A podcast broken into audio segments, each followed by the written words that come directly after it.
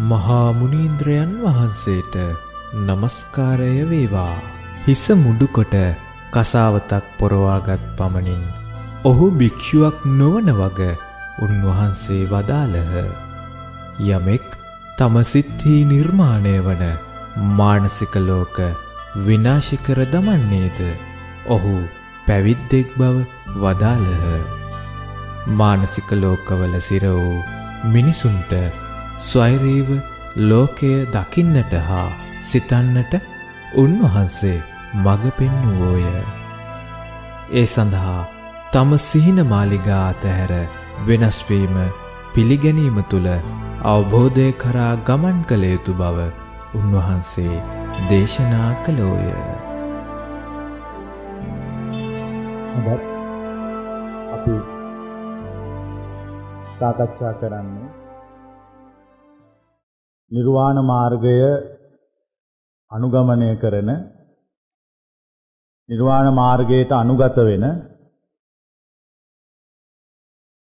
පුද්ගලයෙක් ජීවිතේ යම් යම් ස්ථාන වෙනස් කරගන්න. වෙනස් නොවුනොත් වෙනස් කර නොගත්තොත් ඒ වෙනස් කර නොගැනීමේ ප්‍රශ්නය නිසා ඔය කියන නිවනට ප්‍රත්‍යක්ෂ කරන්න බැරි බවක් වෙන්න පුළුවන්. ඒ වගේම ඔය කියන නිවන අවබෝධ නොකර සිටින්නත් පුළුවන්. දැන් මම ප්‍රශ්නයක් අහනවා. මිනිස්සුන්ටයි වෙනස් වෙන්න බැරි. මිනිස්සු වෙනස් වෙන්න කැමති නෑ. ඇයි ඒ? හොඳට කල්පනා කරන්න මේ මේ මිනිස්සු වෙනස් වෙන්නේ බය. වෙනස් වෙන්න කියලා කිව්වහම ඒකට අකමැත්ත ප්‍රකාශ කරනවා. මිනිස්සු හදාගත්ත මානසික චිත්‍ර මානසික ලෝක තදින් අල්ලගෙන ඉන්නවා. ඒ මානසික ලෝක තදින් අල්ලගෙන ඉන්න තාක්කල් කිසිම මිනිස්සෙකුට වෙනස් වෙන්න බෑ. දැන් එහෙනම් වෙනස් වෙන්න ඔබ කළ යුතු දේ මොකක්ද? මානසිකව අපි ගොඩනගාගෙන සිටින සියලු ලෝක කඩා දාන්න. කඩා දාන්න. දසදම සූත්‍රයේ පළවෙනිම සඳහන් වෙන්නේ වේවන්නි යම්මි අජ්ජුපගතෝති පබ්බජිතේන අබින්හං පච්ච වෙක්කිතබ්බා. පැවිද්දෙක් කියන්නේ වෙනස් වෙච්ච කෙනෙක්. වෙනස් වෙමින් යන කෙනෙක්. මොකක්ද කියන්නේ? ඔය කියන මානසික ලෝක මොන කොන්නෙක් කෙනෙක්ද? විනාශ කරන්නෙක්. එහෙනම් කවුද පැවිද්දෙක් කියන්නේ? කිසිම අර්ථකථනයක් ඕනේ යමෙක් මානසික ලෝක විනාශ කර දමන්නේද ඔහු පැවිද්දෙකි. චීවරය ඇත හෝ නැත. මානසික ලෝක විනාශ කර දානව නම් කවුද? මහණෙක් පැවිද්දෙක්. දැන් අපිට තියෙන ප්‍රශ්නේ මේ මානසික ලෝක මේ අපිට කඩන්න දෙන්නේ නැහැ. අපි ඒවට දාලා හිර කළා එන ගහලා තියලා තියෙනවා. දැන් අපි මේ මානසික ලෝකත් එක්ක විශාල අරගලයක් කරන්න වෙනෝ ඒ සීමාවෙන් එළියට එන්න. එළියට වෙලා නිදහසේ හිතන්න වෙන කිසිවකට නෙමෙයි. නිවනක් දකින්න නෙවෙයි නිදහසේ හිතන්න නිදහසේ කල්පනා කරන්න නිදහසේ වැඩ කරන්න. කෙටියෙන්ම කිව්වොත් කාටවත් යටත් නොවී සිටින්න ස්වෛරී භාවයට පත් වෙන්න ස්වෛරී භාවයට පත් වෙන්න අරගල කරන කෙනා. ස්වෛරී භාවයට පත් වෙනවා කියන්නේ මොකද්ද? නිර්වාණ ධර්මය ප්‍රත්‍යක්ෂ කළා කියන්නේ ස්වෛරී භාවය. අපි ඒකට කියනවා පසේ බුදුවරු ගැන කියනකොට කියන ස්වෛරී භාවයට පත් වෙලා. කිසි කෙනෙක් ඒගොල්ලන්ට බලපෑම් කරන්නේ බලපෑම් කළාට ගණන් ගන්නෑ. අත්තරලා දාලා තියෙන සියල්ල. ඒ ස්වෛරී භාවයට පත් වෙන්න නම් මේ සියලු මානසික ලෝකවලින් නිදහස් වෙන්න ඕන. නැත්තම් කවදාකවත් ඔය කියන නිවනට එන්න බෑ. මිනිස්සු වෙනස් වෙන්න කැමති වෙන්න ඕන. බලන්න මෙතන ඉන්න අය මම කැමති තමුන්නාන්සේ තමුන්නාන්සට කැමති විදියට අපිෝ වෙනස් කල්ලා අපේ ජීවිත අලුත් කරනවාට. අපි කැමති අපි අලුත් කළා අපිව වෙනස් කරනවා. ඉතින් එච්චරයි. හැබැයි කැමති වුණාට බෑ. කැමති වුණාට බෑනේ. දැන් ওই වගේ ලෝකෙ කීයකට කැමති වුණා? වෙනස් වෙන්න ඕන. කැමති වෙන එක ලේසි වෙනස් වෙන්න ගියාම තේරෙනවා හිතුව තරම් මේක ලේසි නෑ කියලා. මෙතනයි මේ ප්‍රශ්නේ තියෙන්නේ හිතුව තරම් ලේසි නෑ. දැන් මම අහන ප්‍රශ්නේ ඇයි මේක හිතුව තරම් ලේසි නොවන්නේ? ඒ කියන්නේ කලින් හදාගෙන තිබිච්ච මානසික ලෝකවලට තදින් ඇලිලා තියෙන නිසා. තදින් ඇලිච්ච නිසා තමයි ලේසි නොවන්නේ. එහෙනම් දැන් කරන්න තියෙන්නේ මොකද්ද ලේසි කරගන්න? ඒ ඒ ඒ ඇලිච් එක බැඳිච් එක හිරවෙච්ච එක අත්තරලා දාන්න. මානසික වශයෙන් කිසිවකට නොබැඳී සිටිනවා. මානසික වශයෙන් අලුතෙන් කිසිවක් සංවර්ධනය නොකර සිටිනවා.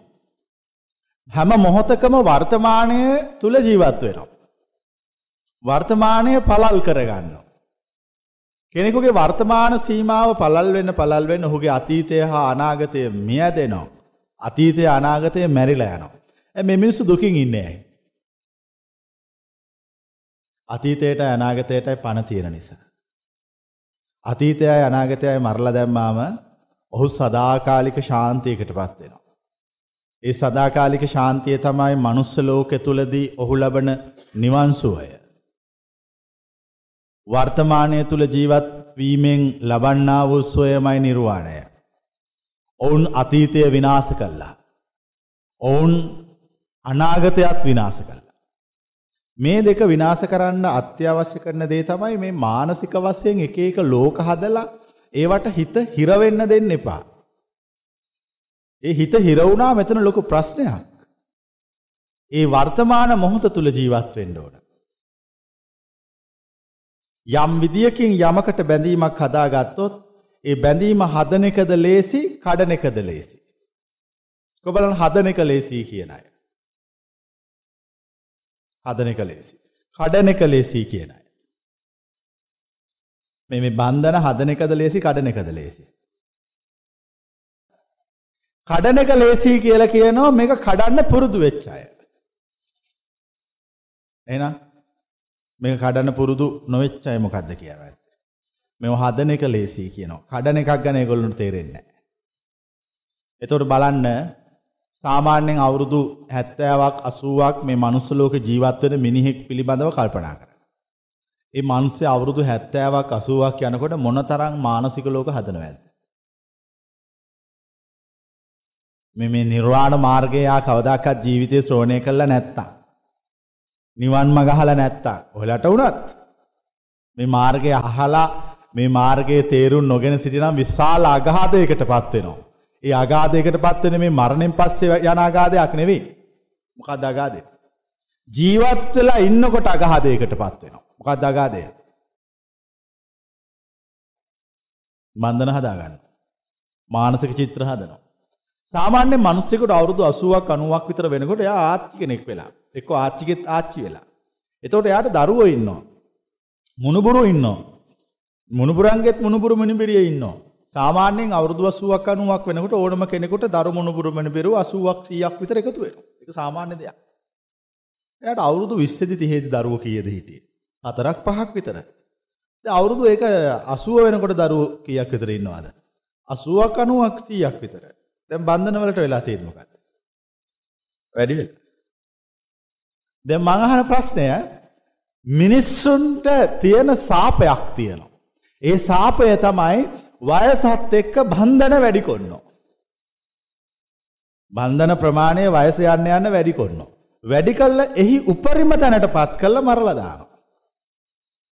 එතකොට එයා මැරෙනවද නැද්ද කියලා අසන. මැරෙන්නේ ශරීරයෙන් මැරෙනෝ අර බන්ධනත් එක්ක ජීවත් වෙනවා. ඒ කියන්නේ එයා ඉපදින්නේ කොහෙද? പ്രേත ලෝකෙ ගිහිල්ලා පහළ වෙනවා. මනුස්ස ලෝකේ මැරෙන සත්වයන්ගේ ප්‍රමාණයෙන් මේ මහ පොළොව තරන්න. ඒ මහ පොළොව තරම් සත්වයන්ගෙන් සුගති භූමි වලට යන්නේ නියපිටට ගත්ත පස් ටිකක් තරම් ප්‍රමාණයක්. මේ මහ පොළොවේ කොච්චර පස් තියද? මුළු ලෝකෙම ඇවිදපු කෙනෙකුට තේරෙනවා මේකේ තියෙන පස් ප්‍රමාණය ගැන අපිට අදහසක් ගන්න බෑ එච්චරට තියෙනවා.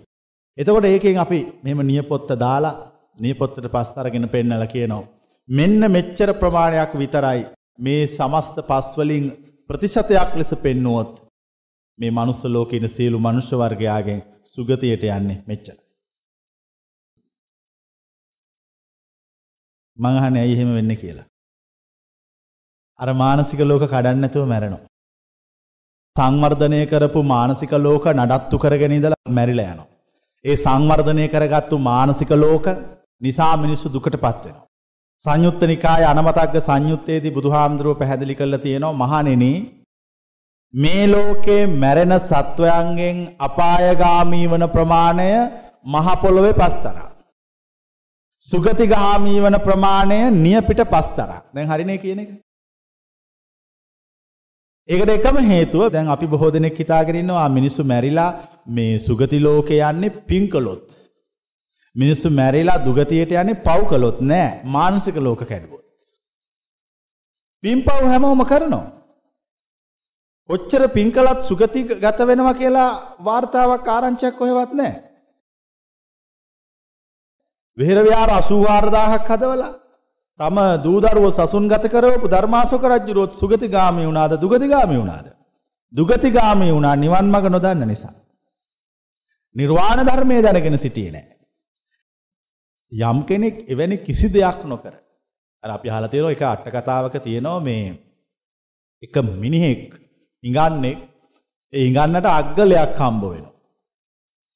මේ හිඟන්න මේ අග්ගලේ නොකා බඩගින්න ඉඳලා ඒක පිඬුසිඟා වදින භික්ෂුවකට රහතෙක් රහතෙකුට පූජා කරනවා නිරෝධ සමාපත්තියෙන් නැගිටලා එන. දැක්කනේ එච්චරයි ගලේ. එච්චරයි ගලේ. සුගතිගාමී වුණා. මිනිස්සුන්ගේ සිත් සතන් වල මානසික ලෝක නඩත්තු කරගෙන ඉන්න තාක්කල් මිනිස්සුන්ට දැනෙන්නේ විඩාවක්, අසහනයක්, බරක්. කරකැවිල්ලක්. ඒ කරකැවිල්ල ඒ අසහනය ඒ විඩාව වැඩි වෙන්නේ මේ තමුන් හිතාගෙන ඉන්න ලෝක වතාවෙන් වතාව තමුන්ටත් නොකිය ඇද වැටෙනකොට. තමුන් ජීවිතේ විවිධ දේවල් ප්‍රාර්ථනා කරලා තියෙනවා. විවිධ දේවල් අපේක්ෂා කරලා තියෙනවා. විවිධ දේවල් කෙරෙහි බලාපොරොත්තුවෙන් සිටිනවා. ඉතින් ඒවා නඩත්තු කරගෙන ඉන්නවා. එහෙම ටික දවසක් ඉන්නකොට තමුන් දන්නේ නැතුව රෑ ගිහිල්ලා බලනකොට අර හිතන් හිටපු ඒවායින් එකක් මොකක් වෙලාද? කඩාගෙන ගිහිල්ලා. ඒවා විනාශ වෙලා. උදේ නැගිටලා බලනකොට රෑ තිබිච්ච එක නැති වෙලා ගිහිල්ලා. රෑ ජීවත් වෙච්ච මිනිස්සු උදේ මිය ගිහිල්ලා. උදේ ඉන්න මිනිස්සු රෑට මැරෙනවා. මේ මේ ලෝකෙ පවතින්නේ එකම අස්ථාවර භාවයක්. අවිනිශ්චිත භාවයක්. ඒ අවිනිශ්චිත භාවය ඇත්තේ කියලා හිතන් ඉන්න තාක්කල් අපිට දැනෙන්නේ විඩාවක්. දැන් ජීවිතේ කොච්චර ඇඬුවද? කොච්චර වැළපුණාද? දැන් මට කියන්න ඇයි ඔබ ඇඬුවේ?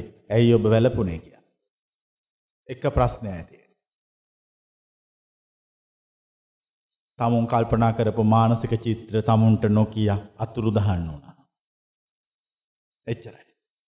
එව නැතුව අඬන්න කාරණයක් වැළපෙන්න කාරණයක් මට පේන්නේ මානසික චිත්‍ර කඩා වැටෙනකොට මිනිස්සුන්ට ඒව දරා ගන්න බැරි වුණාම මිනිස්සු කඩා වැටෙන මානසික ලෝක බල බල මිනිස්සු හයියෙන් කෑ ගහලා අඬනවා. ඒ අඬ අඬ කියනවා මට මේක කඩා වැටෙන දෙන්න එපා මට මේක රැකලා ආරක්ෂා කළා දෙන්න කියලා. ඒ වුණාට කඩාගෙන වැටෙනවා. දැන් එහෙනම් මොකද්ද කරන්න ඕන? හොඳට මතක තියාගත යුතු පළවෙනි කාරණය තමයි අලුතෙන් හදපු මානසික ලෝක කෙරෙහි ඇති බැඳීම අත්තරලා දාන එක. මේවා මේවා මේවා මේ විදිහට වෙනවා. එච්චරයි. මේ වෙන විදිය සතුටෙන් බාර ගන්නවා. මෙතන මේ සියලු විඳවිල්ලට දුකට මුල තමයි වෙන දේ බාර නොගෙන සිටීම. දැන් බලන්න ඕගොල්ලන්ගේ ජීවිත ඕගොල්ලෝ කොච්චර හැඬුවද? වැළපුණාද? ශෝක කළාද? ඒ සියල්ලට මුල මොකද්ද? ජීවිතයේ වෙන දේවල් බාරගත්තේ නැහැ. එහෙම වෙන්න ඕන නෑ. මම හිතන විදියට වෙන්න ඕන. මම මෙහෙම වේවි කියලා හිතාගෙන හිටියේ නෑ. මම හිතුවේ මෙහෙම වේවි කියලා. ඉතින් මොකටද එහෙම මෙහෙම වේවි කිය හිතේ හිටියේ? වෙන දෙයක් වෙද්දී ඒ දෙය මා හිතපු දෙයයි. දැන් ප්‍රශ්නයක් තියෙනවද? කිසි ප්‍රශ්නයක් මොන දේ වුණත් ආ ඒක තමයි මම කල්පනා කරේ. ආ ඒක තමයි මම හිතුවේ. ඒක වෙච්ච එක හොඳයි. දැන් දුකක් තියනවාද? නැහැ. දැන් අඩන්න කාරණයක් තියනවාද? නැහැ. ඔන්න ඔය தത്വෙට තමුන්ගේ හිත හදා ගන්න ඕන. යම් වෙලාවක යම් කරුණක් නිසා මානසික වශයෙන් බන්ධන හැදිලා තිබුණොත් ඒ මානසික බන්ධන නිසා tamun විඩාවට දුකට අසහනයට පත් වෙනවා. ඒ විඩාවට දුකට අසහනයට පත්වන බව දැනගෙන මානසික වශයෙන් බන්ධන නොසාදහා සිටින්න ඕන. අපිට මෙතන දෙපැත්තක් තියෙනවා පැහැදිලි කරගන්න. එකක් තමයි අලුතෙන් බන්ධන හදන්න නැතුව ඉන්න එක. අනික ඊටත් වඩා වැදගත් කාරණේ තමයි හදපුවා කඩන එක. හදපුවා කඩන එක. මේ මේ මානසික වශයෙන් එක එක බන්ධන බැඳීම් අපි හදා ගන්නකොට ඒකත් එක්ක අපේ වර්ධනය වෙන්නේ මමත්වය. මමත්වයේ වැඩි කෙනෙකුගේ මානසික ලෝක ප්‍රමාණය ගැන කියන්න පුළුවන් මොකද්ද? ගොඩක් ගොඩක් වැඩි. එයාර නඩත්තු කරන්නේව තියෙනවා. බලාගන්නේව තියෙනවා. වෙනම අනන්‍යතාවයක් තියෙනවා. අනන්‍යතාවයක් තියාගන්න එපා කොයි වෙලාවකවත්. දැන් බොහෝ දෙනෙක් මේ අයත් ඉස්සර අනන්‍යතාවක් තියාගත්. තමුන් තියාගත්ත අනන්‍යතාවයේ තිබිච්ච දේවල් කියන්න. මෙහෙම වෙන්න ඕන. මගේ කොණ්ඩේ තියෙන්න ඕන මෙහෙම. කොබලන් එහෙම හිතන් හිටපුවා. අනන්‍යතාවයක් හදාගත්තා. ඒ අද නෙමෙයි ඉස්තර. මො ගොංකමට කරගත්තු වැඩ. මගේ ඇස් දෙක තියෙන්න ඕන මෙහෙම. මං අඳින ඇඳුම මෙහෙම වෙන්න ඕන. මං ඉන්න කාමරේ මෙහෙම තියෙන්න ඕන. මං කන්නේ මේ જાතිය කෑම විතරයි. අපිත් ගොංකමට ඉස්සර ඔහොම හිතුවා. එක එකව හදාගත්තා. මගේ යාළුව මෙහෙම ඉන්න ඕන. නැත්තම් මං කැමති නෑ. පිස්සු. එහෙම වෙන්නේ නෑ. ඊට පස්සේ ඊට පස්සේ දැන් ඒව හොරන්න ගියානේ. මෙහෙම ඉන්න ඕන, මෙහෙම වෙන්න ඕන, මේ විදියට ඉන්න ඕන, මේ විදියට කාමරේ තියෙන්න ඕන, මේ විදියට යාළුවෝ ඉන්න ඕන, මේ විදියට මම කන්න ඕන, අඳින්න ඕන, නාන්න ඕන, ඔය ගොඩාක් ඒවා හදන් හිටියා. ඕව හදනකොට දුකක් තේරුන්නේ නැහැ. ඕව හදනකොට දැනුනේ මොකද්ද? නෑ සතුටක් නෙමෙයි ඒකට කියන්නේ ආඩම්බරකමක්. ඒකට සතුට කියලා අපි කියන්නේ. ආඩම්බරකමක් දැනුණා. මම ලොකු මිනිහෙක්. මට හුඟක් දේවල් මට ඕන විදියට තියෙනවා. මට මෙහෙම මෙහෙම ඉන්නවා. මම මේ වගේ මේ වගේ අය අඳුරනවා. ඒගොල්ලෝ මට ගරු කරනවා. ඒගොල්ලෝ මා සමග ආශ්‍රය කරා ඔය කීකේව හදාගත්තා. හදනකොට සබාදහමේ නීතියක් තියෙනවා. හදන අතර කඩන්නේ ඇයි හදන අතර කැඩුවොත් මේ හදන එකේ වේගය මොකද්ද කරගන්නේ? මේක අඩු කරගන්නවා. එතකොට දන්නවා මේක අඩු කරගත්තොත් මෙයා සසරට අල්ල ගන්න බැරි වෙනවා. සසරට අල්ලන්න නම් උපායශීලී වෙන්න ඕන. ඒ කියන්නේ මෙයා මේ මානසික බන්ධන හදනකොට ඒකට උදව් කළා අලුතෙන් ටිකක් හදවලා තියන්න ඕන. එතකොට දැන් හදනකොට ආඩම්බරකමක් හැදෙනවා හැදුනනේ ජීවිතේ. ඔව් අපිට එහෙම එකක් දැනුණා ඒ මානසික ලෝක හදන් යනකොට අපි හුඟක් ආඩම්බර වුණා. හරි. දැන් ඔය හදලා ටික දවසක් හිටියා. ඊට පස්සේ කැඩෙන්න පටන් ගත්තේ කොහොමද? ඒක හරියට උපමාවකින් කියනවා නම් උත්සවයකට බැලුම් බෝල ගොඩාක් පුම්බලා. බැලුම් තොරණක් හැදුවාම බිඳෙන්නේ කොහොමද? එක සැරේට ඔක්කොම බිඳිනවද? හිටි ගමන් අස්සෙන් එකක් බිඳිලා යනවද? හිටි ගමන් අස්සෙන් බැලුමක් බිඳිලා යනවා. සද්දය ඇහෙන්නෙත් නැහැ, අඩුවක් පේන්නෙත් නැහැ. ඇයි ඒ බිඳිලා තියෙන්නේ අස්සෙන්? ඊට පස්සේ දෙවනුව මොකද්ද වෙන්නේ? දෙකක් තුනක් බිඳෙනවා. සද්ද ඇහුණ අඩුවක් පෙනුන්නේ නැහැ. ඒ නිසා දුකක් නැහැ. 7 8 10 15 වෙනකොට මොකද්ද පේන්නේ? සද්දෙත් වැඩි වෙනවා අඩුවකුත් පේනවා. අන්න ප්‍රශ්නේ. අන්න ප්‍රශ්නේ. සද්දේ ප්‍රශ්නයක් නෑ ඒක අත්තරලා දාන්න පුළුවන්. අඩුවක් පේනවා. දැන් අර තොරණේ කාලක් නෑ. මොකද තොරණ තිබිලා තියෙන හුලං වලින්. ඇයි හුලන්නේ බැලුම් ඇතුළේදී? දැන් එතකොට තොරණ ගැන ඔබට හිතෙන්නේ මොකද්ද? දැන් මොකද ඇති වෙන්නේ? දුකයි. මං කොච්චර මහන්සියෙන් මේවට හුලං ගැහුවද? මේක එල්ලුවාද? දැන් ඕනේ කියන්නේ මම මේක එල්ලුවා. මම මේකට හුලං ගැහුවා. මම මේකේ ලස්සන බැලුවා. මං හිතුවේ නෑ මේ තොරණට මෙහෙම වේවි කියලා. ඒ වුණාට තොරණට එහෙම වෙනවා. දැන් මං කියන්නම් ඔය තොරණ හදන වෙන විදියක්. දැන් මාත් තොරණක් හදන ඔය බැලුන් තොරණ මාත් හදනවා. දැන් මෙතන අපි දෙගොල්ලෙක් එකම වැඩේ කරනවා. හැබැයි චින්තන දෙකක්. මාත් ඔය බැලුන් තොරණ හදනවා. හැබැයි මම බැලුන් වලට හුලං ගහනවා. හුලං ගහන ගමන් මම හිතනවා මේ වපු පුරනවා කිය කිය හුලං ගහනවා. ඊට පස්සේ බැලුන් ටික ඔක්කොම අරගෙන ඇවිල්ලා තොරණ එල්ලනවා. මේ වපු පුරන බව මම දන්නවා කිය කිය එල්ලනවා. ඊට පස්සේ බැලුන් ටික දැන් එල්ලලා හරිම ලස්සනයි. පස්සෙන් පස්සට ගිහිල්ලා ලස්සන බලනවා. මේ වපු පුරන බව මම දන්නවා. අර මෝඩයා ලස්සන බව දකිනවා, හුලනුත් ගහනවා, බැලුනුත් එල්ලනවා, පුපුරන බව දන්නේ දැන් අපි දෙන්නම තොරන් දෙකක් හැදුවනේ. දැන් අර අන මෝඩයා තොරණට මොකක්ද උනේ? ඉස්සලා අස්සෙන් අර එහෙම මෙහෙම පුපුර පුපුර ගියා. දැන් එළියෙත් ඒව පුපුරන්න පටන් ගත්තා. දැන් මගේ තොරණෙත් මොකද්ද වෙන්නේ බැලු? ඒත් පුපුරනවා. මම දැන් එයා පුපුරනකොට අඬනවා. මම පුපුරනකොට හයියෙන් අප්පුඩි ගහලා hina වෙනවා. හරි මම හිතුවා. හුලං ගහන කොටත් හිතුවා. එල්ලන කොටත් හිතුවා. පස්සෙන් පස්සට ගිහිල්ලා බලන කොටත් හිතුවා. මම හිතුවක සිද්ධ වෙනවා. දැන් මොකද්ද වෙලා තියෙන්නේ? අර මෝඩයා බැලුම් වලට ආඩම්බරකමින් හුලං ගහනකොට සතුටක් ආඩම්බරයේ මිශ්‍ර වෙච්ච සන්තෝෂයක් එයා ළඟ තියෙනවා. මම බැලුම් වලට හුලං ගහනවා පුපුරාවි කිය කිය හිත හිතා ඒ නිසා ආඩම්බරයක් නැති සතුටක් මට තියෙනවා. අර මෝඩයාගේ තොරණ පුපුරලා වැටෙනකොට හයියෙන් අඬලා කෑ ගහනවා. මම සන්තෝෂ වෙනවා. දැන් අපි දෙදෙනගෙන් සතුටින් සිටින්නේ කවුද? මමයි. මම කියන්නේ ඔබලාට මම වගේ වෙන්න කියලා. ඒ විදිහට මේ ලෝකෙ ගැන දකින්න කියලා. එකම අවිනිශ්චිත භාවයක් ජීවිතය අත්විඳින්න කියලා. මොකක්ද එකම අවිනිශ්චිත භාවය? එකම අවිනිශ්චිත භාවයක් ප්‍රත්‍යක්ෂ කළා තියෙනවා. ඒක තමයි අනිත්‍යතාවය. අවිනිශ්චිත භාවය. මේ ස්ථිර නැහැ. වෙනස් වෙනවා.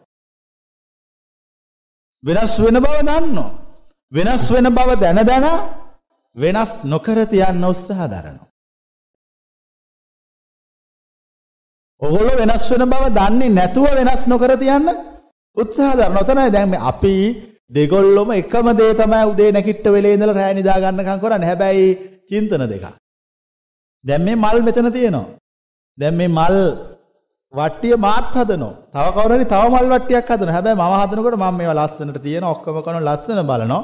හැබැයි ලස්සන බලනකොට මගේ ඇතුලෙන් කියනවා වෙනස් වෙනවා. අවිනිශ්චිතයි. නිස්සාරයි. ඇලෙන්න එපා. ලස්සන බලලා අයින් වෙන්න. තව මෝඩෙක් මල් වට්ටියක් හදනවා. හරිම ලස්සනයි. මෙහෙමම මේ මල තිබුණාවේ. එයා ළඟ ධර්මේ නැහැ. ධර්මේ නැති නිසා අවිනිශ්චිතතාවයක් නැහැ. අවිනිශ්චිතතාවයක් නැති නිසා සදාතනිකයි මේක හැමදාම තියෙනවා කියන අදහස නොදැනුවත්ව ඇතුළට රිංගන. නොදැනුවත්ව ඒක රිංගන්නේ ඒක කැමැත්තෙන් දාගන්නේ නැහැ කවුරුවත්. දන්නේ නැතුව ගිහිල්ලා ඒක ඇතුළේ හිර කරගන්නවා. ඊට පස්සේ පාර වෙනකොට හඬා වැටෙනවා. මා ඔබට කියන්නේ කිසිම විදියකින් මානසික ලෝක තියාගන්න එපා. ජීවිතයේ සියල්ල සිද්ධි දහමයක් ලෙස දකින්න. සියල්ල සිද්ධි. සියල්ල අවස්ථාවන් ලෙස දකින්න. අතීතය අනාගතය වර්තමානය මේ කාලත්‍රයම අවස්ථා තුනක් ලෙස දකින්න. මෙ අවස්ථා පමණයි. මේ අවස්ථා ලෙස දැක්කහම මානසික වසයෙන් කිසිවකර නොබැඳී සිටින්න පුළුවන් නොඇලී සිටින්න පුළුවන් නොබැඳී සිටින්න නොඇලී සිටින්න. නොබැඳී නොසිටින්න කියල හෙකුත් නෑ නොඇලී නොසිටින්න කියලා හේකුත් නැහැ. නොඇලී නම් සිටියාම මොකද? ඇලෙන්නේ නැත්තම් සිටියාම මොකද? බැඳෙන්නේ නැත්තම් වින්දහම මොකද? ප්‍රශ්නේ තියෙන්නේ ඇලෙන බැඳෙන හැප්පෙන ගැටෙන එකයි. ඇලෙන බැඳෙන හැප්පෙන්නේ නැති වෙන්න නම් ජීවිතය පිළිබඳ ගැඹුරට දකින්න ඕන. නිර්වාණ ධර්මය තේරුම් අරගෙන තියෙන්න ඕන. මාර්ගය තේරුම් අරගෙන තියෙන්න ඕන. ලෝකේ යථාර්ථයට මුහුණ දෙන්න ඕන. දැන් මේ මල් මේවා ඊයේ පෙරේදා එල්ලනකොට කොච්චර ලස්සනද? කොච්චර සුවඳද? නමුත් මේවා දැන් වෙනස් වෙලා. මේවා පාර වෙලා ගිහිල්ලා, කළු වෙලා ගිහිල්ලා. මේවා නවත්තන්න කාටවත් බෑ. දැන් මේවා මං එල්ලනකොට මම හිතාගෙන හිටියොත් මේවා හරිම ලස්සනයි, මේවා මේවා සුවඳයි, මේවා මං කොහොම හරි මේ අද දවසෙත් කොහොම හරි මේක තියාගන්න උත්සාහයක් දරන්න ඕන. මං එච්චර මෝඩ නැහැ. මං මල් වලට නිදහසේ පිපෙන්න හා පරවෙන්න ඉඩ දීලා ඉවරයි. ඒ නිසා මගේ හිතට මොකද දැනෙන්නේ නැත්තේ? දුකක් දැනෙන්නේ ඒ යථාර්ථය ඒ ප්‍රත්‍යක්ෂ ධර්මය ප්‍රත්‍යක්ෂ ධර්මයක් වශයෙන් දැකලා අවසන්. ඉතින් මම වගේ වෙන්න. ප්‍රත්‍යක්ෂ ධර්මය ප්‍රත්‍යක්ෂ ධර්මයක් වශයෙන් දකින්න. ඒක වෙනස් කරන්න යන්න එපා. ඒක සදාටම දිගටම තියෙන්න ඕනේ කියලා ප්‍රාර්ථනා කරන්න එපා. අපි කොච්චර ප්‍රාර්ථනා කළත් වෙන්න ඕන සිද්ධාමයට සබාදහම යට වෙනවා. නවත්තන්න බෑ කාටවත්. ඒක වෙනස් කරන්නත් බෑ කාටවත්. අපේ මෙතන ඥානවන්තව කරන්න පුළුවන් එකම දෙය මේ අවිනිශ්චිතතාවය මේ වෙනස් වීමේ මූල ධර්මය සමස්තයට පොදු බව නිහතමානීව තේරුම් අරගෙන නිශ්ශබ්ද වීමයි. එච්චරයි. නිහතමානීව තේරුම් අරගෙන නිශ්ශබ්ද වෙනවා. දැන් මෙතන මේ බොහෝ දෙනෙකුට තියෙන ප්‍රශ්නේ මේගොල්ලෝ ලෝකේ වෙනස් වුණාම ඒ වෙනස් වීම පිළිගන්න කැමති නැහැ. ඒගොල්ලෝ කල්පනා කරනවා මල් එල්ලුවා. මේ මල් දවස් 3ක් තියෙන්න ඕන. මොකද්ද දවස් 3ක් තියෙන්න ඕනේ කියලා කොහොමද එම දෙන සහතිකය? එහෙම කරන්න බෑ. ඒක නිහතමානීව තේරුම් ගන්න. එහෙම එහෙම අපි හිතන දවස මල් තියෙන්න ඕන නම් ඔයාලට පුළුවන් වෙන්න ඕන ඔයාලට කැමති දවසක් කැමති විදිහට ජීවත් වෙන්නත්. කොයිම එකක්. ඉතින් තමුන්ගේ ජීවිතේ තමුන්ට ඕන විදියට තමුන්ට ඕන වෙලාවකට ජීවත් කරගන්න බැරි ගොන් හරකෙක් කොහමද තමුන්ට අයිති නැති මල් පර වෙන්නේ නැතුව තියවන්නේ? මෝඩ මීහරක්. ඔය ඔය මෝඩ චින්තන අත්හරින්න. ජීවිතේ නිදහසේ සිටින්න එතකොට තමයි ඔබේ මනස අවදි වෙන්නේ. නැත්තම් මනස විඩාවටපත් වෙනවා. මනස කඩම් වැටෙනවා. මේ ලේසි නෑ නැගිට ඕන එක. ලෝකේ තියෙන අමාරුම දේ තමයි මිනිහගේ හිත නැගිට ඕන එක. ඒක හරි අමාරුයි. හිත නැගිටවන්න මා දැන් සාකච්ඡා කළා තියෙන වැදගත්ම දෙයක් තමයි මානසික වශයෙන් බන්ධන ලෝක හදන්නේ නැතුව හදපුවා කඩ කඩ අත්තරිනවා. හැබැයි තියෙන ප්‍රශ්නය මේ ඒ මානසික ලෝක කඩන්න ගියාම හිත ඉඩ දෙන්නේ නැහැ. ඇත්තටම ඉඩ දෙන්නේ නැත්තේ හිත නෙමෙයි. හිත ඇතුලේ තියෙන බන්ධනවලට ඇති කෑදරකම. බන්ධන සැදුනහම බැඳීම් හැදුනහම ඒ බැඳීම් නඩත්තු කරගන්න අපිට කෑදරකමක් තියෙනවා. ඇත්තටම තියෙන්නේ බැඳීම් නඩත්තු කරගන්න කෑදරකමක් නෙමෙයි. බැඳීම් විඳින්න නැති ආශාව. බැඳීම් හදලා ඒව විඳින්න ආශාවක් තියෙනවා. එතකොට තමයි කඩා වැටෙනකොට ඒව ගැන දුකක් ඇති වෙන්නේ. ඉතින් මොකටද මේ ඔය ඔය කඩා නොවැටෙන්න ඕන, පවතින්න ඕන, වෙනස් නොවෙන්න ඕන. ඒ චින්තනයක් ඇතුළට බස්සුව ගත්තා. ඒ චින්තනයේ තියෙන තාක්කල් පශ්චත්තාප වෙනවා. හඬා වැටෙනවා. විලාප දෙනවා. ඒ විලාපයෙන් මිදෙන්න සමර්ථ වෙච්ච කිසිම කෙනෙක් නැහැ. ඒ විලාපයෙන් පලා යන්න සමර්ථ වෙච්ච කිසිම කෙනෙක් නැහැ. ඒ විලාපයෙන් මිදෙන්න එකම එක විදියක් තියෙනවා. ඒ හඬා වැටීමෙන් සදහටම ගැලවෙන්න එකම එක ප්‍රායෝගික ක්‍රමයක් තියෙනවා. ඒ තමයි සියල්ල අත්හරින එක. මනසින් ඒ මානසික ලෝක අත්හරිනවා. මෙහෙම වෙන්න ඕන, මෙහෙම තියෙන්න ඕන කියන එක අත්හරිනවා. කොයි වෙලාවකවත් tamunට අනන්‍යතාවයක් හදන්න යන්න එපා. ඔතන හරි ප්‍රශ්නයක්. අනන්‍යතාවයක් හදාගත්ත. දැන් මොදෙනෙක් මේ දේශනාවල් අහන්න කලින් එහෙම ලොකුවට එකක් හදන් තිබ්බා. අනන්‍යතාවයක් තිබ්බා. වැරදි ඒවා. ඒව නිසා tamunට දැනුනේ සහනයක්ද අසහනයක්ද? විශාල අසහනයක් දැනුණා. දැන් අපි යනවා කුඩු බොන මිනිස්සු අතරට.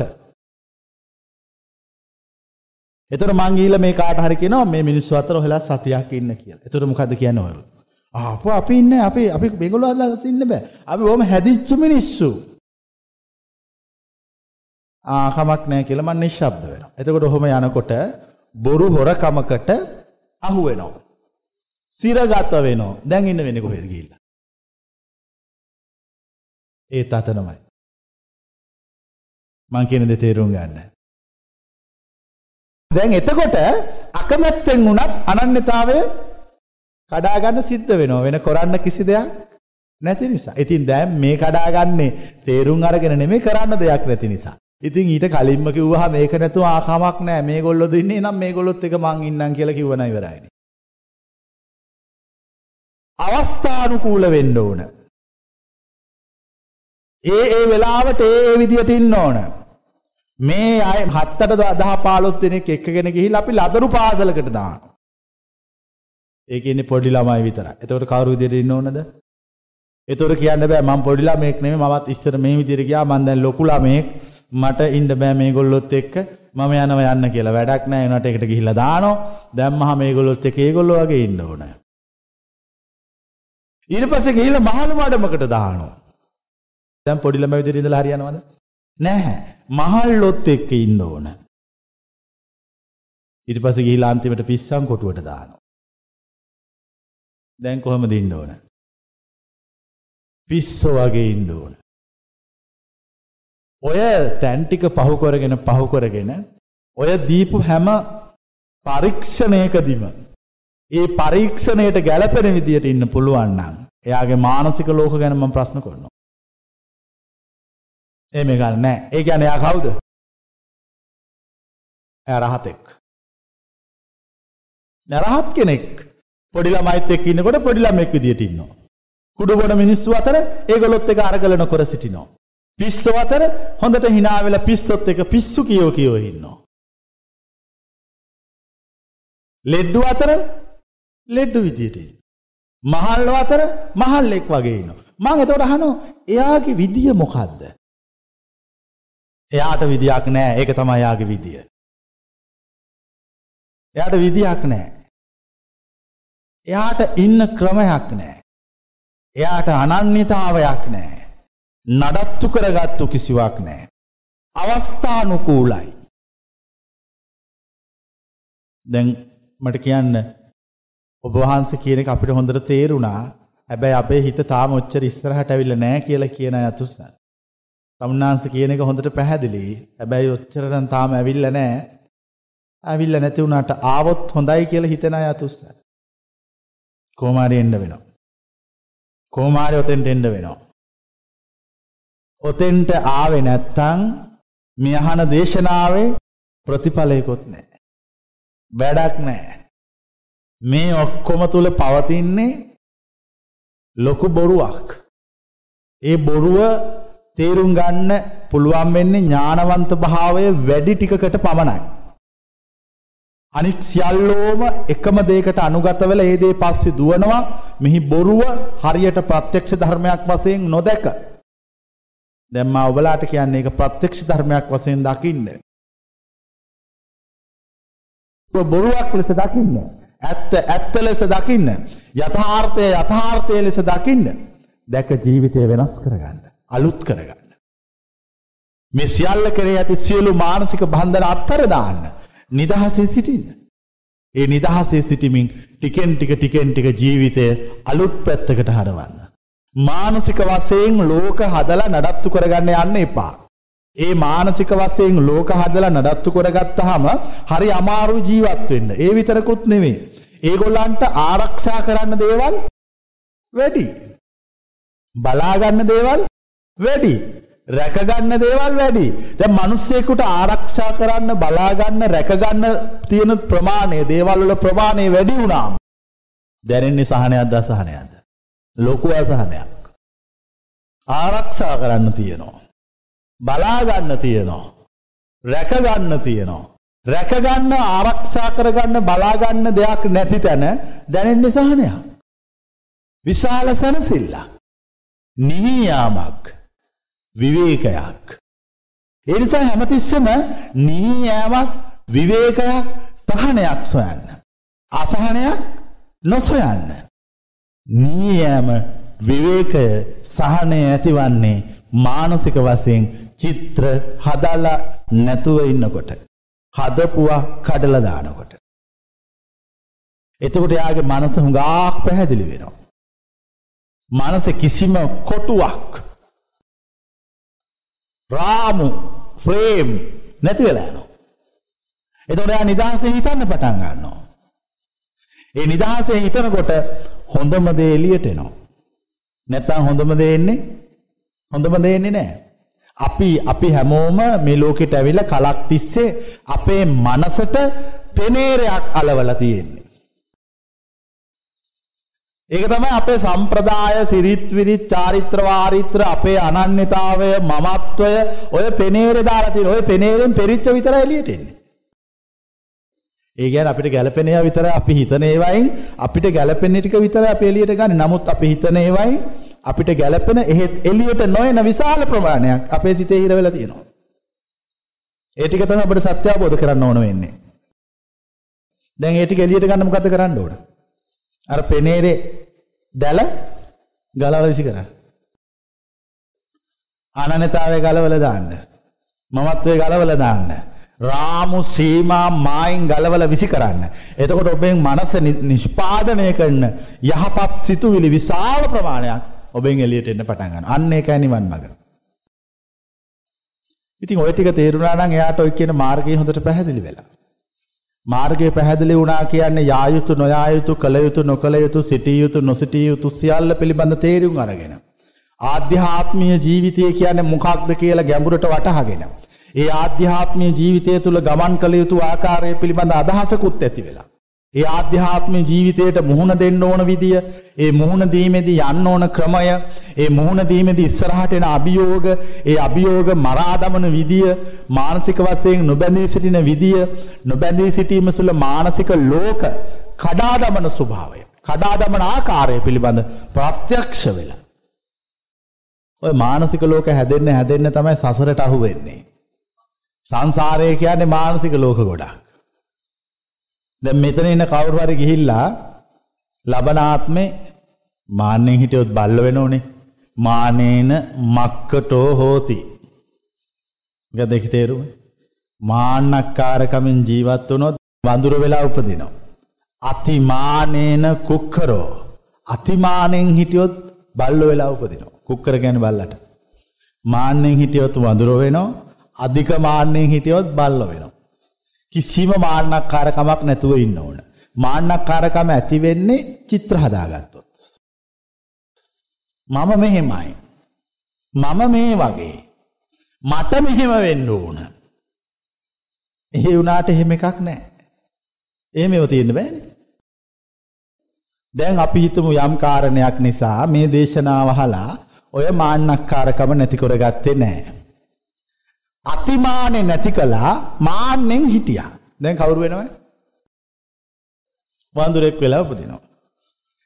දැන් ඊළඟ ආත්ම වඳුරෙක් කරන්න දෙයක් නැහැ. දැන් මේකට දාලා හිර කරනවා. මූඩිය ගහනවා. විඥාන ශක්තිය වතුරු මවකගේ කලලයකට ඇතුළු කොල්ලා මූඩිය ගහලා තද කරනවා. ඒකට හරියට මල පෙරේතේ පෙරේත බන්ධනයකට අහු කොල්ලා බැඳලා නූලෙන් බෝතලයට දාලා මූඩිය ගහනවා වගේ. දැන් මේ මල පෙරේතේට නිදහස් වෙන්න පුළුවන්ද? බෑ. ප්‍රේත බන්ධනයට අසු කොල්ලා මල පෙරේතය අල්ලලා බෝතලයට දාලා මූඩිය ගහලා. ඒ වගේ මේ මල පෙරේතයොත් එක එක කලලොල්ට රිංගවලා මූඩි ගස්සවනු. ගැලවෙන්න දෙන්න ඉවරයි. ඒ තමයි සසර. දැන් මට කියන්න වෙච්ච අගාධය. ඔබේ සසර ගමන තීරණය කරන්නේ ඔබ නෙවෙයි. ඔබේ කර්ම ශක්තිය. කර්ම ශක්තියක තීරණය කරන්න. ඔබ මේ මනුස්ස ශරීරයෙන් අයින් වෙනකොට ඔබේ පාලන බලය යම් කෙනෙකුට පවරනවා. එකාටද.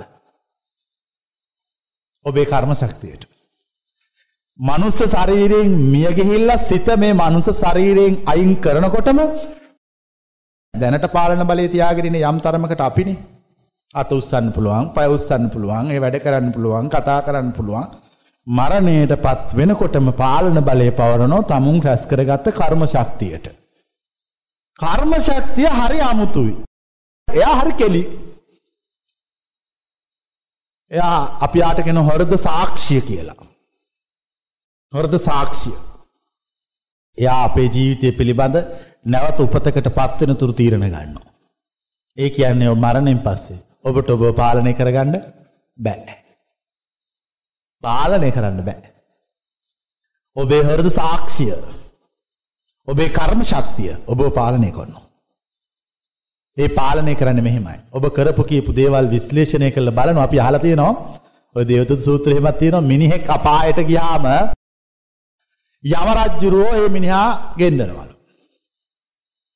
ගෙන්න ලිවෙල යමරජ්ජුරුවෝ නියෝග කරනවලු යාගේ ලේකම්ට මෙයාගේ වාර්තාවගේන්න කියලා. ලේකම් මීට කලින් මනුස්සලෝක ඉඳගෙන යාගෙන වාර්තාවක් ලියනවලු. මේ හැමෝ ගැනම වාර්තාවක් ලියනවලු දැන් ඔය පරණ ජන කතාවල එම තියෙනවා අදලු යව රජ්ජුරුවන්ගේ ලේකම් මනුස්ස ලෝකෙට එන්නේ. පොය දවසනේ. ඇවිල්ලා ඔක්කොම ගැන ලියනවලු. ලියලා ගිහිල්ලා අපායේ කන්තෝරුවේ තැන්පත් කරලා තියෙනවලු. ආවම අවරජ්ජුරු කියනවලු වාර්තාව ගේන එක. ඒතකොට ලේකම් වාර්තාව අරගෙන ඇවිල්ලා දිගටම වාර්තාව කියවනවලු. කියනකොට යමරජ්ජුරු කියනවලු ඇහුණාද? එසේ දේවේනීසේය. අන්තිමට යමරජ්ජුරු කියනවලු මේ සියලු දේ සලකා බැලීමෙන් අනතුරුව ඔබට අහවල් අපායේ අච්චර මෙච්චර කාලයක් ඉන්න දෙන්න කියලා තමයි මේ නීති පොතේට අනුකූලව තියෙන්නේ කියලා යාපාත අපාගත කරනවා. ලොක ලස්සන කතාවක්. ඕක කෙටියෙන් කියන්න ඕනක ඔබේ හෘද සාක්ෂිය යම රජා නම් වෙයි. ඔබේ හෘද සාක්ෂියමයි යම රජු. යම රජුට හෘද සාක්ෂියට වඩා තමුන්ගේ කර්ම ශක්තියට වඩා යම රජෙක් මට නොපෙනේ. තමුන්ගේ කර්ම ශක්තියමයි තමුන්ගේ යම රජු. මං අන ප්‍රශ්නය. තමුන්ගේ කර්ම ශක්තිය යම රජු නොවේ නම් යම රජුගේ කර්ම ශක්තිය කුමක්ද. යම රජුට දඩුවන් දෙන්නේ කවුද. යම රජු යනු ඔබගේ හරද සාක්ෂියයි. ඔබ රැස්කරගත්ත කුසල් අකුසල් ටිකයි. ඒ කුසල් අකුසල් ටික ඔබේ මරණින් පස්සේ අයිතිය ඉල්ල ගන්න. එයා ගන්න අයිතිය. ඒ අයිති අරගෙන කියනවා මේ කරපු දේවල් වලට ගැලපෙන තැනක් මං ඔහෙට හොයලා දෙනවා. එතකොට අපිට අපිව පාලනය කරගන්න බෑ. එයා හොයලා දීපු තැනට යන්න ඕන.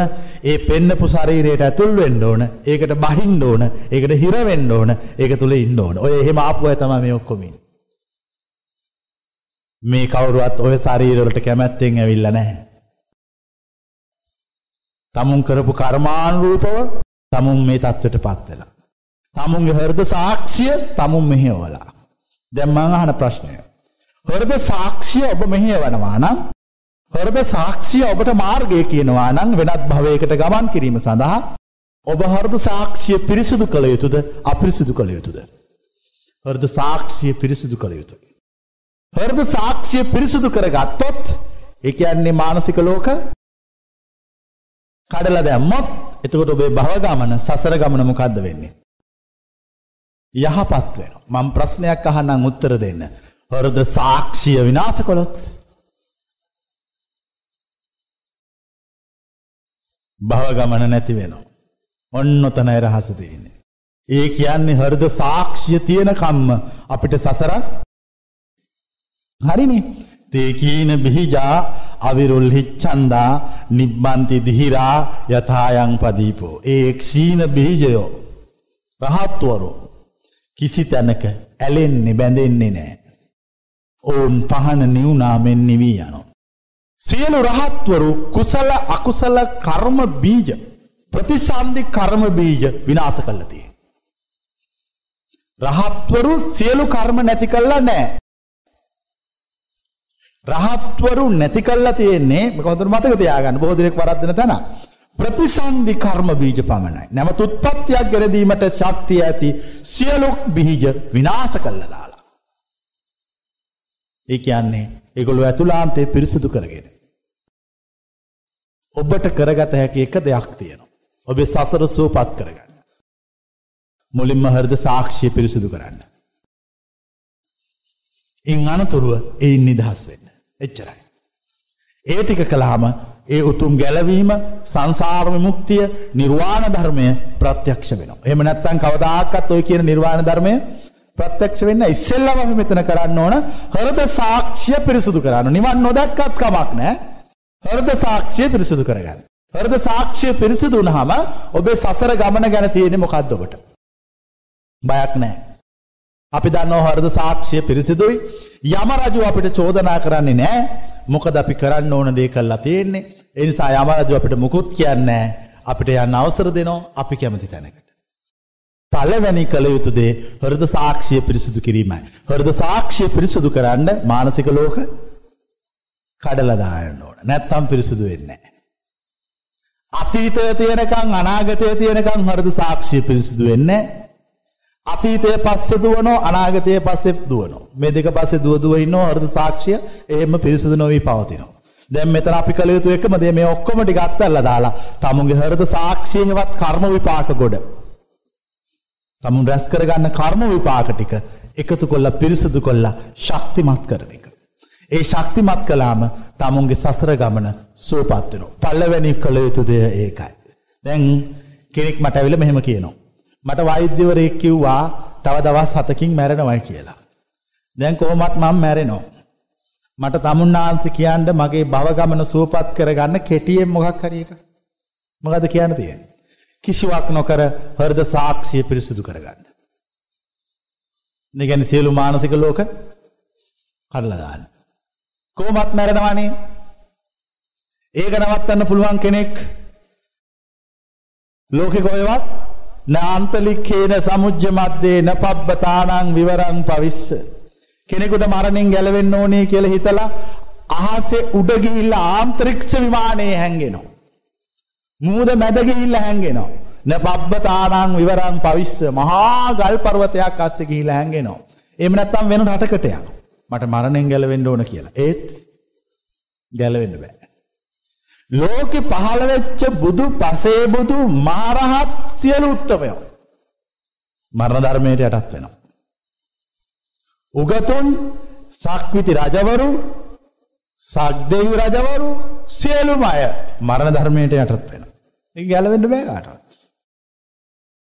දැන් ගැලවෙන්න බැරි බව දන්නව නම් මූණ දෙනකොට හූ කියලා අඬනවද? නෑ, නිශ්ශබ්ද වෙනවා. ඒ මූුණ දෙන්න කලින් හරිද සාක්ෂය පිරිසිදු කොල්ල තියෙනවා. මූුණ දෙනෝ විතරයි. හඬාවට එන්න මොකද අපි යථාර්ථය දන්නවා. යථාර්ථය නොදන්න නිසා තමයි හඬාවට එන අර බැලුම් බෝලයක් ගැන කරපු උපමාව. බැලුම් බෝල තොරණේ බැලුම් බෝල බිඳෙනකොට අඩුවක් එනකොට බැලුම් බෝල නොබිඳී තියෙන්න ඕනේ කියලා හිතපු මෝඩයෙක් ශෝක වෙනවා. නමුත් බැලුම් බෝල බිඳෙනවා. අඩුවක් පේනවා. බැලුම් බෝල තොරණක් හදලා අඩුවක් පෙනේවී බිඳේවී කියලා දන්න කෙනා සෝක වෙන්න යන්නේ නැහැ. ඒක දිහා බලාගෙන නිශ්ශබ්දව සිටිනවා. ජීවිතේට මුහුණ දෙන්න. පලා යන්නේ නැතුව හෘද සාක්ෂිය පිරිසුදු කරගන්න. එයයි ඔබේ සසර ගමනට අවශ්‍ය. වෙන කිසිවක් අවශ්‍ය නැහැ.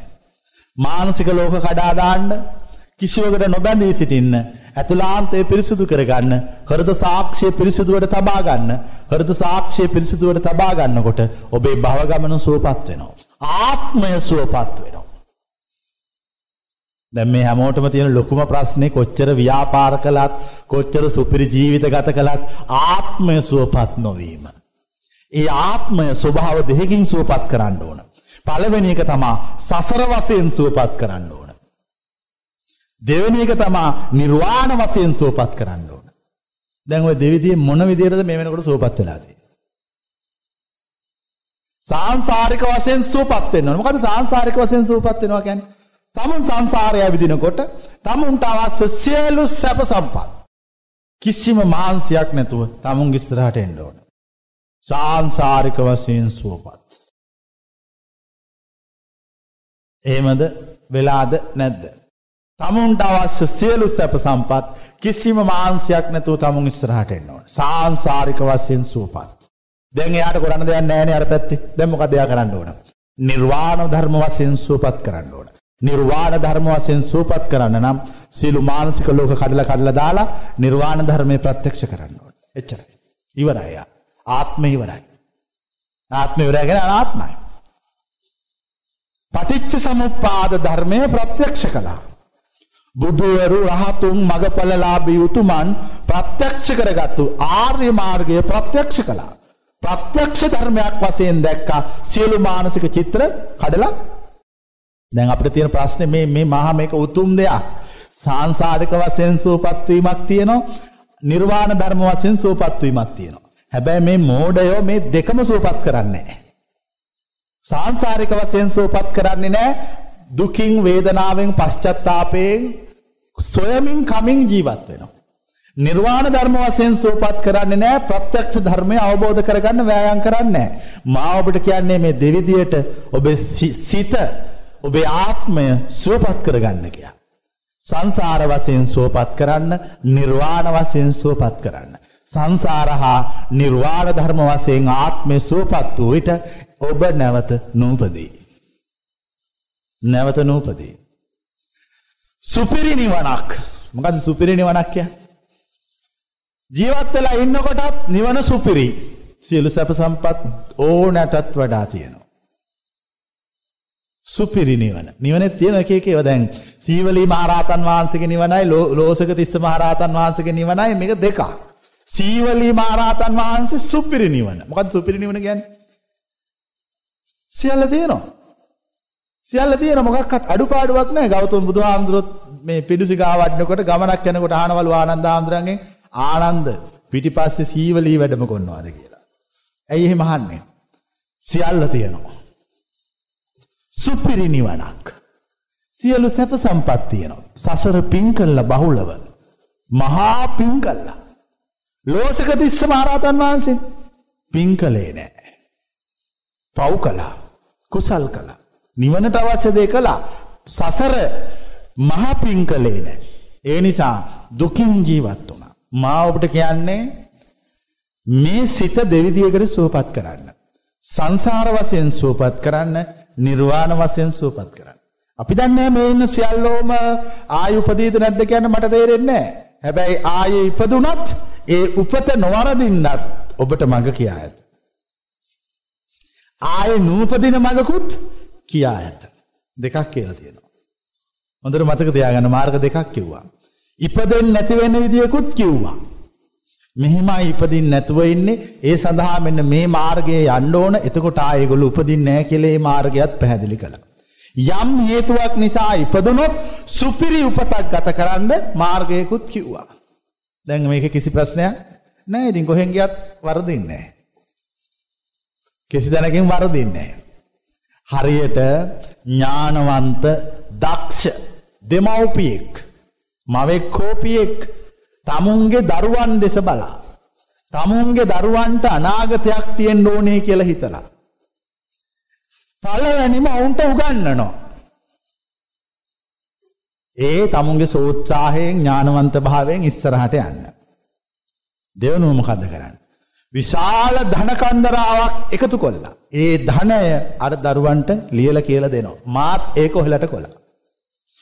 පළවෙනිම ඉගැන්නුවා. මොකක්ද ඉගැන්නුවේ? නිවන් මාර්ග ඉගැන්නුවා. සෝ උත්සාහයෙන් මේක යන්න. මේකෙන් ගිහිල්ලා ඈතර වෙන්න.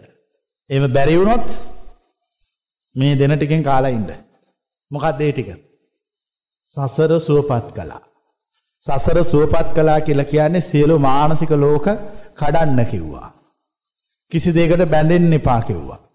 සිත නිදහසේ දේව තත්වයට පත් කරගන්න කිව්වා. ඔක තමයි දේව තත්වය කියලා කියන්නේ. දැන් ওই තත්ත්වෙ ඉඳගෙන මැරුණොත් කොහෙද ගිහලා උපදින්නේ? දිව්‍ය ලෝක යනවා. එයා ආයේ මනුස්ස ලෝකෙට එන්නේ ඒ ලෝකෙට වෙලා ඉන්නවා. ඒ නිසා මතක තියාගන්න මේ නිර්වාණ ධර්මයේ නිර්වාණ මාර්ගය කියන එක හරි අමුතු එකක්. මේකෙන් ගියොත් කවදාකවත් කවදාකවත් වර්ධින්නේ නැහැ. පාර හරියටම හරි. පාර කොච්චර හරිද කියනවා සසරත් සුවපත් වෙනවා නිවනත් ලැබෙනවා දෙකම ඉෂ්ට වෙනවා. මේ දෙකම සමතුලිතව යන ගමනක්. ඒ සමතුලිත භාවයෙන් ගමන් කිරීම නිසා තමයි මාර්ගය ඉක්මනට අවසන් වෙන්නේ. කිසි කරදරයක් නැතුව. හැබැයි යන්න ඕන. මේ කියන ඒවා කරන්න ඕන. මානසික චිත්‍ර විනාශ කරන්න ඕන. කඩලා දාන්න ඕන. මුලදි කඩනකොට ටිකක් හිත හිත රිදෙනවා. කඩන්න දෙන්නේ නැහැ හිත. හිත කියනවා මෙච්චර කල් මේවා හදාගත්තා, මේවා ගොඩනගා ගත්තා, මේවා තියාගත්තා, මේවා පෝෂණය කළා, මේවට ආදරය කළා. මේවා රැක ගන්න. මේවා ආරක්ෂා කරගන්න තවදුරටත්. එතකොට ඔබ හිතට කියන්න නෑ මං ආරක්ෂා කරන්නේ නැහැ. දැන් මම මේවා කොච්චර ආරක්ෂා කළත් මට මේවා ඔක්කොම ටික දාලා යන්න වෙන බව මට ඉතා පැහැදිලි. දාලා යන්න වෙනකොට එක සැරේ කරනකොට මට ඒක දරා ගන්නත් බෑ. ඒ නිසා මං එකින් එක කඩනවා. කාලයක් තිස්සේ කඩ කඩ යනවා. කාලයක් තිස්සේ මම මේක කඩ කඩ යනකොට මගේ ඇඟට දැනෙන්නෙත් නැතුව හිත රිද්දව ගන්නෙත් නැතුව මට මේ ටික ඔක්කොම කඩලා ඔය කියන උතුම් තත්ත්වයට පත් වෙන්න පුළුවන්. ඉතින් ඒක කඩන්න. කොච්චර කරත් දාලා යන්න වෙනවා. කොච්චර කරත් මේ හැමෝම වයසට යනවා. ජරාවට පත් වෙනවා. නාකි වෙනවා. ලෙඩ වෙනවා. මැරෙනවා. එච්චරයි. ඔය ධර්මය අතික්‍රමණය කරන්න පුළුවන්. ඔය ධර්මය ඉක්මවා සිටින්න පුළුවන්. සමර්ථ වෙච්ච කිසිම දෙවියෙක්වත් මාරයෙක්වත් බ්‍රහ්මයෙක්වත් ශ්‍රමණයෙක්වත් බ්‍රාහ්මණයෙක්වත් වෙන යම් කිසිවෙක්වත් නෑ. ඔය ධර්මයට සියල්ලෝම යටත්. සබ්බේ සත්තා මරිස්සන්ති මරණම් තංහි ජීවිතම්. සියලු සත්වයෝම මරණයට නතුවෙනවා මරණය ඇවිල්ලා ගිලගන්නවා. ජීවිතයේ සත්වයන්ගේ මරණයෙන් අවසන් වෙන. මේක තේරුම් ගන්න. තේරුම් අරගෙන කිසි දෙයකට මානසිකව බැඳෙන්න එපා. මානසිකව ඇලෙන්නත් එපා. සතුටෙන් ඉන්න. දැන් මෙතන මේ සතුට නැති වෙන ප්‍රධාන කාරණය තමයි මානසිකව ඇති කරගත්ත බැඳීම්. හරි විඩාවක් ඒක. හරි බරයි. ඒ මානසික බැඳීම් කොච්චර ප්‍රබලද කියනවනම් ඔබේ ආධ්‍යාත්මයේ සතුට විනාශ කරලා තියෙනවා. දැන් ඒ විනාශ කරගත්ත සතුට ගොඩනගා ගන්න පුළුවනුත් තමුන්ටමයි. තම මේකට කැපකිරීම, වෑයම් කිරීම, උත්සාහ දැරීම කරන්න ඕන. ඒ උත්සාහ දැරීම කළොත් තමයි තමුන්ගේ ගමන වාසනාවන්ත වෙන්නේ. නැත්තම් තමුන් අවාසනාවන්ත ගමනක් ගිය කෙනෙක් බවට පත් වෙනවා. ඔබේ ගමන අවාසනාවන්ත ගමනක් බවට පත් කර නොගන්න. ඒ වාසනාවන්ත ගමනක් වීම සඳහා වෙනස් වෙන්න. වේවන්හි යම්මි අජ්ජුපගතෝති පබ්බජිතේනාබින්හං පච්චවෙක්කි තබ්බා. පැවිද්දෙක් යනු හැමතිස්සෙම වෙනස් වෙන කෙනෙක්. අලුත් වෙන කෙනෙක්. පරණ සියල්ල ඉවත් කරන කෙනෙක්. සිවුරක් නැතුව වුණත් පැවිද්දෙක් වෙන්න පුළුවන් හැමතිස්සෙම හිත අලුත් වුණොත්.